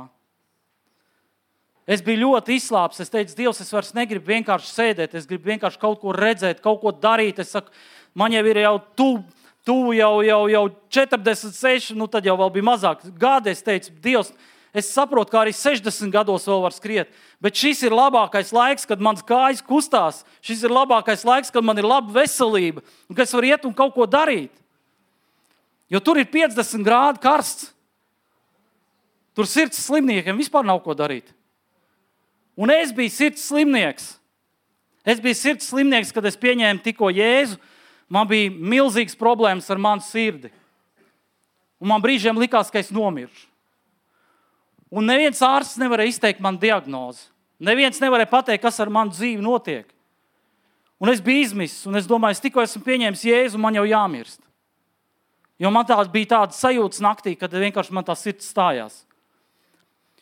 Un vienā, vienā, vienā reizē Dievs runāja uz maniem, sasaucis draugs vecais lai viņi tev svaida ar eļu un tu saņem dziedināšanu. Wow! Es domāju, kāpēc nē? Lai kustās draudzes vecai. Ko viņi tur iedomājušies? Un es aizgāju un es teicu, ziniet, nu, es tā saņēmu no Dieva, ka jums ir jālūdz par mani, jāsvaida ar eļu. À, jā, nu, vēl jau vajadzēja eļu atrast. Jā, jā, parasti tā nebija pieņemts. Jā, nu, tā kā Baptistu draugzēs parasti nemētājas visur eļļas. Jā. Un, nu, viņi teica, labi, mēs lūgsim, viņi sas, sasaucas draugs vecais. Un es reāli es pat nemācīju tajā brīdī izstāstīt, kas ar maniem notika, jo es nekad tādu nebiju piedzīvojis. Tādu piedzīvoju, bet es, jū, es jūtu, ka man kaut kas iekšā pilnīgi tāds tā kā deg, jā, tā kā iziet kaut kas cauri. Un, un man bija pilnīgi skaidrs, ka es esmu saņēmis dziedināšanu. Bet kā tad, lai mēs to zinām? Jā, mēs parasti gribam zināt, kā tad, lai to zinām. No tās reizes man nekad nav atkārtojies nekas. Nereiz man nav bijis. Es varu 50 grādu karstumā. Man nav problēma, man, man, man viss kārtībā ar sirdi. Nu, mēs varam 50 grādu karstumā iet. Man bija kādu laiku, kā jau daudziem, kad, nu, kad ir tāda laba apetīte, tad viņi uzņem svaru. Ja? Nu, man tāda ļoti garšo, un Anglijā ir ļoti daudz lietas, kuras ir ļoti garšīgas un ļoti neveselīgas. Ja? Un lētas dažreiz. Ja? Un tad mēs tur stumjam viņus iekšā. Par konfektēm un šokolādēm vispār nerunāsim. Ja, ja šeit šokolāde maksā, es iegāju veikalā, tad man acis šitā, ja? tad tur gandrīz kā maizi, maizi viņu var ēst ja? pēc cenas ziņas. Nu, protams, man sieva arī tāda kāra, un tam viss ar kaut ko atstiep mājās. Mēs tik pavērām tos skāpīšus, ja? un es uzņēmu svaru uzņēmu svaru līdz, līdz uh, svaram, kad es aizbraucu uz Pakistānu, kad es knapi vilkos. Es sapratu, ka nu, es, esmu, es esmu izdarījis lielu kļūdu savā dzīvē, ka es neesmu sev pieskatījis. Bet uh, pilnīgi nekāda mācība par to. Tikai vienkārši liecība par to. Un es sapratu, ka man ir jābrauc mājās, un man ir tas svars jādabū nost. Vienalga kā. Un mēs jau zinām, uzņemt jau viņu ir viegli. Bet nost dabūt, mēs zinām, cik grūti viņi ir. Ja? Kā, kā nāk katrs grams, katrs, katrs uh, kilograms. Ja? Bet man bija mērķis. Es sapratu, ja es, ne, ja es to neizdarīšu, es vairāk nevarēšu braukt misijā. Jo tāpēc, kad uh, pēdējā reize bija, bija apmēram 50 grādu karsts, un man bija nu, man tiešām reiba galva, man bija slikti, un tas bija visdaļa tā, ka, ka es nevarēju. Ja? Tajā laikā man sieva gāja vilpodam. Ja? Un pilnīgi divi dažādi viņi. Ja? Un, uh, es jums varu pateikt, cik karsts bija tajā dienā. Es iegāju dievnamā un es netīšām atstāju savus, uh, savus botus, atstāju saulītē. Un, ja kāds redzējis, varbūt, kas, kas manā, manā Facebookā ir, tad var redzēt, es, kā es filmēju to, kā es, es smējos, iekāpu savās botās, un, un tas zols palika tur. Jo viss līme bija izkususi vienkārši, kas viss bija apkārt, un man bija jābrauc mājās ar zeķiem. Un tas bija tik smieklīgi. Es tā smējos vienkārši un filmēju to visu. Tas bija tik smieklīgi. Jā, viņi teica, nesatraucies, nopirksim citus. Nu, protams, ka nopirks, bet tas moments ir ļoti smieklīgs. Tik karsts tur bija. Viņi teica, tev taču nevajadzēja, tev vajadzēja, jo tāpēc, ka tu ej dievnamā tur iekšā, tur jāvelk nost apavi. Viņiem ir tāda, tāda ticība, ka tu kāp uz skatuves arī, tad viņiem ir tā, ka tā vieta ir tā kā svēta. Viņi ņem to pēc mūzes grāmatas. Ja? kur tas krūms, ja, un viņš saka, noausa savus apavus, jau tā vieta ir svēta. Un viņi tā kā ņem pēc to, un vienreiz es ar visiem saviem, pirmajā reizē ar visiem saviem zābakiem tur uzslāju, un tad viss tā skatījās uz mani, domā, kas tas tāds atbraucis, te zinu. Pārkāp visus noteikumus, ja? bet uh, problēma jau nebija manī, problēma bija tajos kalpotājos, kur man nebrīdināja. Es jau nevaru zināt visu kultūru. Ja? Tā kā, jā, ļoti, ļoti spilgti, ļoti spilgti. Um, septembrī esmu uzaicināts. Jā, jā, gada sākumā es saņēmu, saņēmu tādu, atkal lūdzot, saņēmu tādu iedrošinājumu no Dieva, kad um, Viņš dos kaut ko jaunu manā dzīvē. Jo, ziniet, arī evaņģēlistiem ir labi в Pakistānu, bet kaut ko ik pa brītiņam gribās jaunu.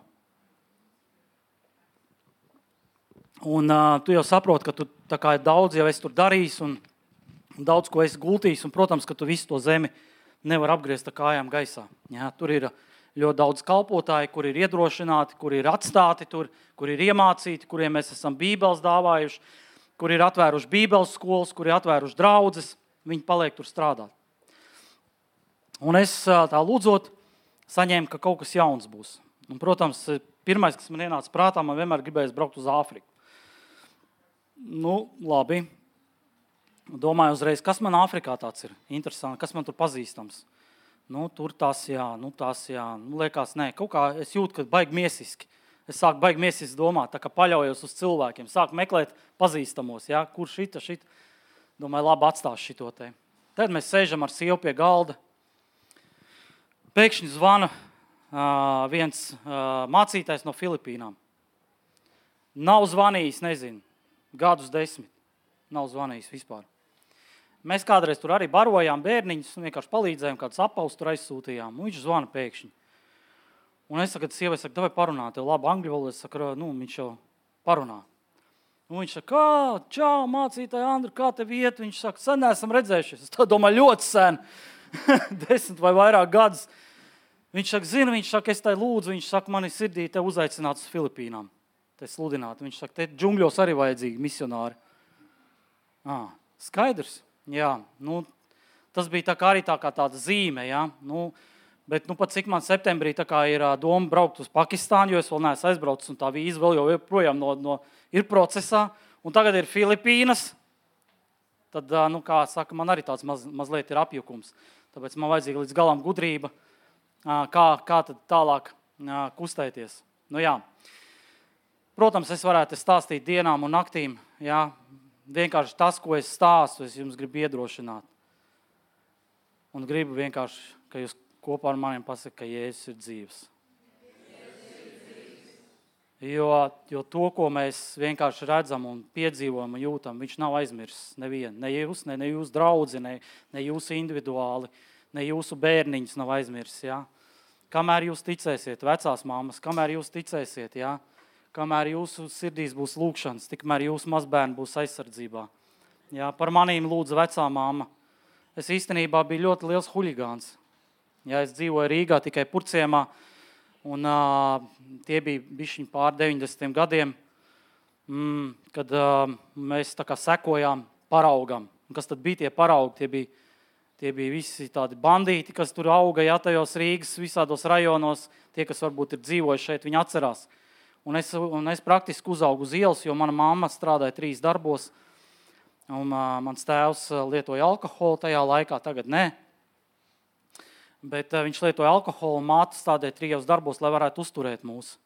Un tajā laikā es biju nepieskatīts un uh, es augu uz ielas. Un um, vakarā es saņēmu ziņu, kad atkal viens no maniem, mm, no maniem jaunības draugiem um, ir atrasts miris savā, savā istabā kopā ar vēl kādu meiteni. Acīm redzot, kaut kādas narkotikas ir pārdozējis vai kaut ko nav vēl līdz galam skaidrs. Bet skaidrs ir viens, ka Jēzus ir man izglābis.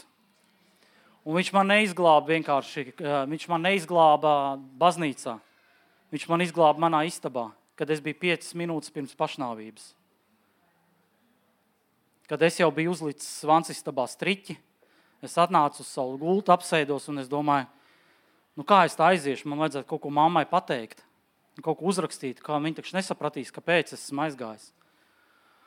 Un tad es eh, vienā brīdī atcerējos, kad mana mamma, tad, kad es biju piedzēries, es nācu mājās, un mana mamma teica, tu atkal esi piedzēries, tev vajadzīgs ir Dievs, tev vajadzīgs ir Dievs. Un es teicu, māma, nomierinies. Kāds Dievs? Es saku, nevajag man Dievu. Nē, sēdies, skaitīsim lūkšanu tēvu reizi. Un es tur domāju, nu, labi, lai viņi liekas mierā, lai tad mierīgi es skaitīšu ar to tēvu reizi. Viņi saka, skaiti, Mūsu tēvs debesīs, un es domāju, mūsu tēvs debesīs, un domāju, ka tik ātrāk aiziet gulēt. Tad, um, jā, tad bija tāds, um, tāds, tāds interesants solis, kad es atcerējos, ka nu, kaut kas tur debesīs bija. Kaut kas tur ir, kaut ko māma stāstīja par kaut kādu dievu. Kas viņš tāds ir, ne, nebija īsti skaidrs. Ne, es ar reliģiju vispār nenodarbojos. Ja es atceros, ja Krievijas laikā vispār nedrīkstēju par to runāt, ja, Tad vēlāk nu, kaut kas bija zināms, ja cilvēki devās, bet ne, ne priekš manis tas bija interesanti. Un es tā kā pacēlu acis istabā savā un es teicu, nu, ja tu tur esi, un tādā žargonā es atceros vēl tādā žargonā, nu, ja tu tur esi, nu, kas tu tur esi, nu, nu nāc un palīdzi. Nu, zin, tādā izmisumā, kad cilvēks ir izmisis, ja, ka tu zini, ka viņam ir ka nav jau to pašnāvību, arī tik viegli iztaisīt. Ja? Tas jau nav tā, es tā aiziešu, tu pašnāvību.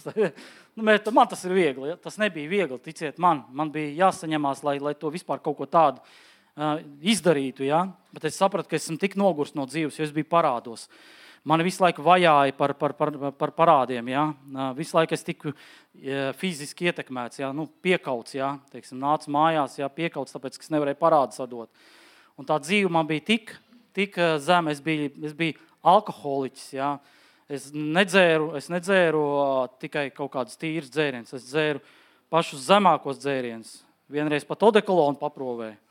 Jā, tas, bija, tas bija tāds dzīvesveids, pīpējām marihuānu, visādas lietas, nu, lietojām, ko tik varējām, visus apreibinošos. Un šeit, ja tu sēdi vienkārši un, nu, un tu nesaproti, ja tev tā dzīve vienkārši ir jāizbeidz, jo tu saproti, ka jā, tā ātrāk, lai nobeigtu, tad es vienkārši nu, pacēlu, ja, un tad jā, es teicu, nu, kas tu tur esi, nu, nāc un palīdzi. Bet tas bija tādu, nu, mazliet ar tādu, tādu pieskaņu, un tādu, nu, ja tu tur esi, nu, tāda, jā, ja tu tur esi. Bet, zini, Dievam, viņam, viņam patīk arī tāda pieskaņa. Viņš ir sapratis, ka ir kāds atnācis pie viņa. Viņš pieņem tādu pieskaņu arī, jo viņam ir svarīga katra dvēsele.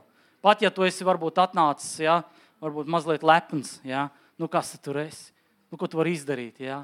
Zini, es tādas ļoti dzīvē daudz esmu redzējis, kur ienāk baznīcā. Nā, kas jums tur ir?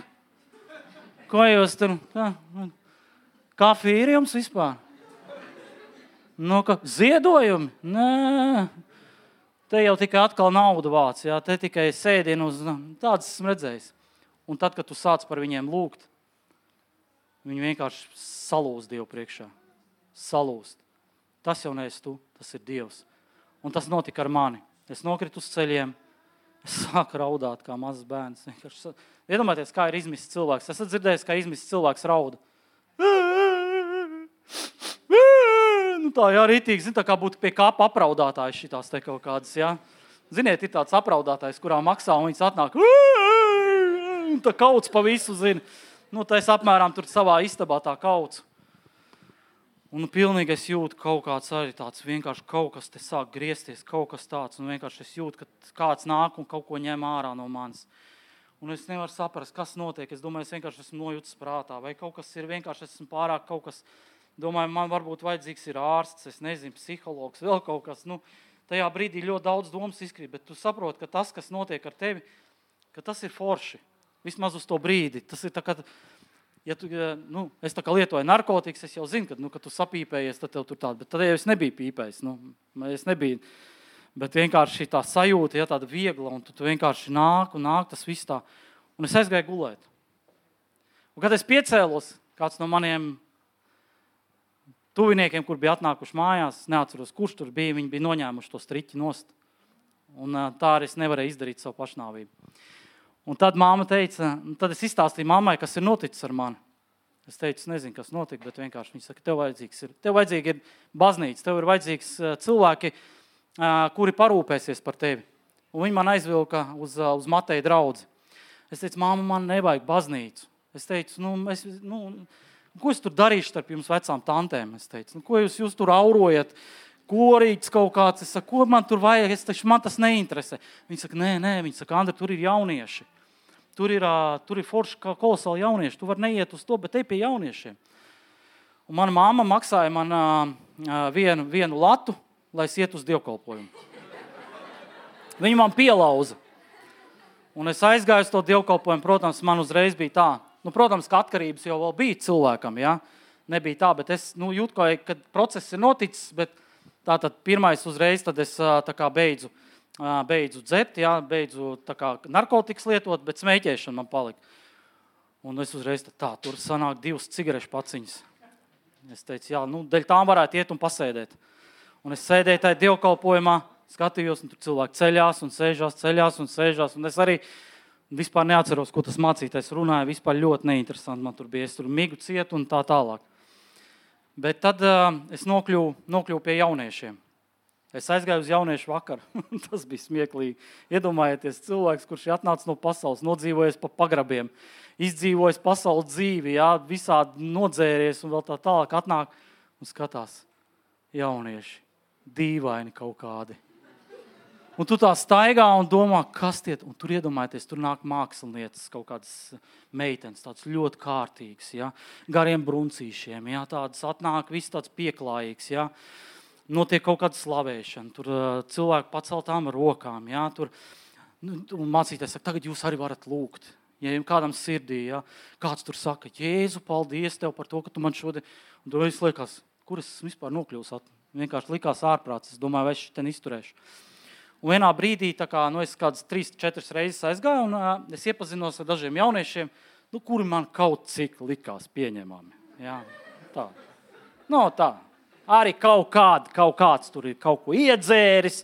Es uzreiz kopīgi valodu atradu, jā, nu tā kā, un tad kaut kādas es tur tādas trīs, četras atradu. Un divas no tām bija, bija meitenes, ja? un divi bija džeki. Un tagad es tagad, vienreiz neatnācu uz draugu, otrreiz neatnācu uz draugu, un tagad viņi man zvana. Tad vēl bija tie parastie telefoni. Atcerieties, ja bija zvana. Čau, Andri! Kā tev iet? Es jau jūtu, kas zvana. Man tik slikti. Es, es, vēl, à, nē, es meloju, alkoholu es lietoju. Es biju tieši uz pohām. Un es biju norāvies, un es viņai saku, vai man viss ir labi, viss ir normāli. Viņa saka, kāpēc es neesmu redzējis, ka tu neesi, nu, nenāc uz baznīcu. Es teicu, nē, nē, man te es ļoti aizņemts esmu. Protams, es meloju. Meloju un visi, jā, visādi. Viņa saka, nu, mēs tev priecātos redzēt, nu, tā kā, jā, nu, es tā kā labi beigās viņu pielauzu, un es tā kā atkal aizēju uz tiem jauniešiem. Atkal tur sēž, un atkal tur viss notiek, jā. Un īstenībā tas bija tāds, tā reiz bija tāds ļoti atslēga punkts. Ja viņi nebūtu piezvanījuši, Es nezinu, kā tas viss beigtos. Cik svarīgi mums ir rūpēties par tiem, jā, kas ir tik, tikko pieņēmuši jēzu, jā, jeb, un netiesāt viņus par to, kādā stāvoklī varbūt viņi vēl joprojām ir. Jā, mēs uzreiz gribam nezinu, kādus mācītājus redzēt, kādus evaņģēlistus, kur uzreiz. Bet iedomājieties, cilvēkam viņam ir jāaug, tāpat kā maziņš bērniņš. Viņam ir jāizaug, un kādam ir jāpalīdz, lai viņš izaug. Un, jā, kolosāli. Šodien jā, mēs vēl joprojām sazināmies ar tiem cilvēkiem. Katrs jau, protams, ir precējies, bet ir tik labi satikt viņus un pateikt paldies par to laiku, kur jūs veltījāt priekš manis, jā, kur jūs veltījāt un vilkāt mani. Un tad, tad mēs gājām tēju dzert, jā, un uh, tur pankūks cepām ar jauniešiem. Un tas viss tik interesanti sāk likties. Un, un tas tā beigās tā ierauga tev iekšā. Un beigās es tik strauji sāku augt. Es lasīju Bībeli, dārgie Es naktīm gulēt nevarēju. Es cēlos augšā, man bija svētrunas, jau nu, es viņas nesludināju, bet tās bija priekš manis. Bija arī, protams, cīņas, kad es jūtu, ka es cīnos iekšēji, cīnos, ka Jēzus par maniem cīnās. Es jūtu, ka iekšēji ir tāda cīņa, un es pamostos, es viss labs esmu, bet es saprotu, ka kāds cīnās par manu dvēseli, kāds cīnās par to, kas man vēl ir iekšā. Ja, kas, un es sapratu, ka tas ir Jēzus, kas visu laiku cīnās ar, ar svēto garu ja, un dara man brīvu. Un pēc tam es ļoti strauji augu. Ļoti. Es kļuvu par jauniešu māc, eh, mācītāju, kļuvu par, eh, par, par mācītāju. Un starp citu, tas arī brīnums, kā es kļuvu par mācītāju. Jo īstenībā man varēja neiecelt dēļ vecās derības. Es joprojām viņu nevarēju sagremot. Un uh, man bija jāpabeidz uh, skola.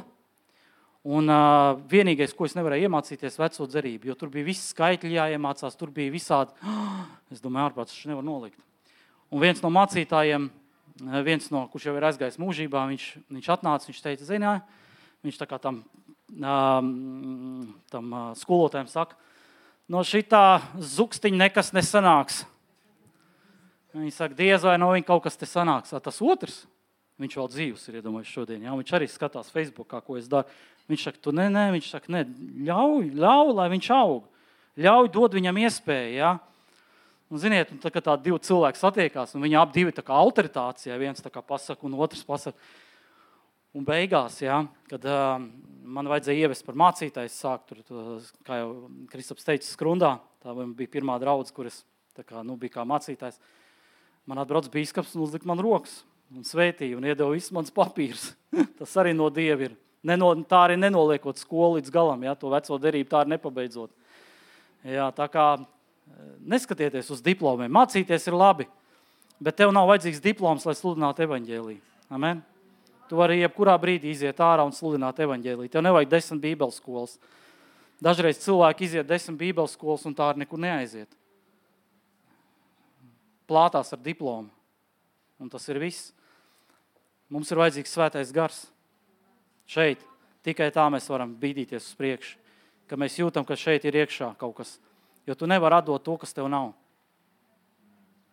Saprotat? Jūs nevarat iedot to, kas tev nav. Ja tev šeit nav iekšā, tu nekad nevarēsi neko dot. Ja tev šeit ir iekšā, tad es tev teiktu, piesprādzējies. Jo tavs brauciens būs kolosāls. Halleluja! Mēs lūgsim par jums, un es arī aicināšu komandu Jo tad, es zinu, ka jūs esat šeit daudz, un es, es gribu, ka katrs um, saņem kādu lūgšanu. Un varbūt, kad jūs nākat, mm, es parasti cilvēkiem saku, uh, tas aizņem ļoti daudz laika, ja mēs gribam izstāstīt visu savu dzīvi. Un man, nav jau tā, ka man neinteresētu jūsu dzīve. Bet, zini, Dievs, Dievs, uh, Dievs noteikti labāk zina jūsu dzīvi nekā es. Un es no šejienes varu iziet un aizmirst jūsu to stāstu. Bet Dievs vienmēr atcerēsies. Bet tas, ko mēs gribam darīt, mēs jūs vienkārši gribam uzlikt rokas un svētīt. Ja? Svētīt, lai jūs no šejienes iziet izmainīt. Lai jums ir tā vēlme. Un, kad es nākamreiz braucu, tad šeit vairs nav, nu, tad šeit vairs nav šīs telpas, jo tāpēc, te jau nav vietas vairāk. Kristaps jau ir izmisumā, viņš jau nezina, vairs, uz kuru pusi jau bīdīties. Ja viņš saka, tad tur esam bijuši, tur vēl kaut kur. Viņš saka, cik tās telpas var mainīt. Ja? Un tas ir kolosāli. Tas ir, man, man tas bija Baptistu draudzē. Pilnīgi nopietni. Man bija tā, ka cilvēks stāvēja ārā aiz durvīm. Un te jau bija tas, ko Kristus teica, ja, kad viņi, viņi atbrauc pie maniem un savilka visus pagastu dzērājus. Nu, viņi visi sēdēja dievkalpojumā. Daudz cilvēku pēc evanģelizācijas, daudz, daudz. Es esmu pateicīgs uh, Kristapam un tā, tai komandai. Jā, ir kaut kāds periods, kur, kad mēs ejam kopā, ir periods, kad mēs ejam atsevišķi, bet mēs vienalga darām vienu to pašu darbu. Jā. Mēs sludinām evaņģēlī, lai kur mēs atrastos. Mums jau nav visu mūžu salauztiem jābūt kopā. Viņš izdarīja savu darbu manā dzīvē, es turpinu darīt tālāk. Ja? Viņš iegūda kaut ko, ja? un uh, es daru tālāk. Kāds man iemācīja evanģelizēt uz ielas. Es eju un evanģelizēju. Ja? Vēl kāds manā, manā dzīvē vēl kaut ko ielika. Es eju un daru. Tā jābūt. Ja? Nevis, nu, tā kā katrs cilvēks mums ir svarīgs. Amen? Mūsu dzīvē, kas, kas uh, ienes kaut kādu ietekmi. Jūs esat sveitīti, ja jūs jau guļat. Es parasti saku, nu, klusi kā pareizticīgā baznīcā, bet tas atkal nav, lai nonicinātu pareizticīgos. Vienkārši man Es dažreiz tā saku, jo tāpēc, tur vienmēr ir klusums. Esat bijuši, ja? ka tur ieiet, tur pilnīgi tāds var dzirdēt. Jā, tā, nekur, nekur es tā neesmu dzirdējis tādu klusumu kā tajās. Jā, tur kāds uzreiz visi. Jā, skatās, kas tur noklepoja. Jā, klusāk. Tā, jā. Tā kā, tā kā jā, esam dzīvi. Mums ir jābūt dzīviem. Un, uh, uh, gremdējieties Dievā katru dienu. Ja jums nav svētais gars, tad, diemžēl, man ir jāsaka, tad vienkārši jūs esat vienkārši cilvēks, kurš atnāk uz klubiņu, un, uh, un tas ir arī viss. Jā. Bet mums, jā, mēs neesam klubiņi, biedri. Mēs esam dzīvās draudzes locekļi. Amen. Un uh, Bībele saka, ka Ēlas vārtiem draudz nebūs uzvarēt. Un tāpēc mēs viens otram vajadzīgi. Jūs mums, mēs jums. Un kopā, jā, es redzu, ka ļoti daudz cilvēku lūdz par atmodu Latvijā. Es nezinu, kā viņi atnāks. Ir daudz pravietojumu bijuši par, par Latviju. Bet ir jautājums, vai tu gribi būt daļa no tās atmodas. Vienalga, kā viņi atnāks, vai tu gribi būt daļa no tā, kalpot dzīvēm, Dievam, redzēt, kā cilvēki glābjās kā izmisušie glābjās. Un starp citu, tagad Anglijā pēdējā, pēdējā pusgadā ir notikuši lieli brīnumi. Mēs tur taisām nometnes, tādas nometnes priekš latviešiem. Nekad latvieši Anglijā ļoti reti, kad viņi kāp ārā no kaut kur. Viņi paši savā dzīvo, tur viņi neko negrib redzēt, viņiem negrib ar latviešiem vispār nekādu sakaru. Viņi dzīvo, tur strādā, tur daudz vispār apprecās tur ar, ar citu tautības cilvēku. Viņi, bet pēdējā pusgadā viņi lien ārā. Un man liekas, tā jau ir atmoda. Un mēs esam nokristījuši ļoti daudz cilvēku pa šo laiku. Daudz cilvēku ir pieņēmuši jēzu un viņi reāli iet draudzēs. Slavu Dievam!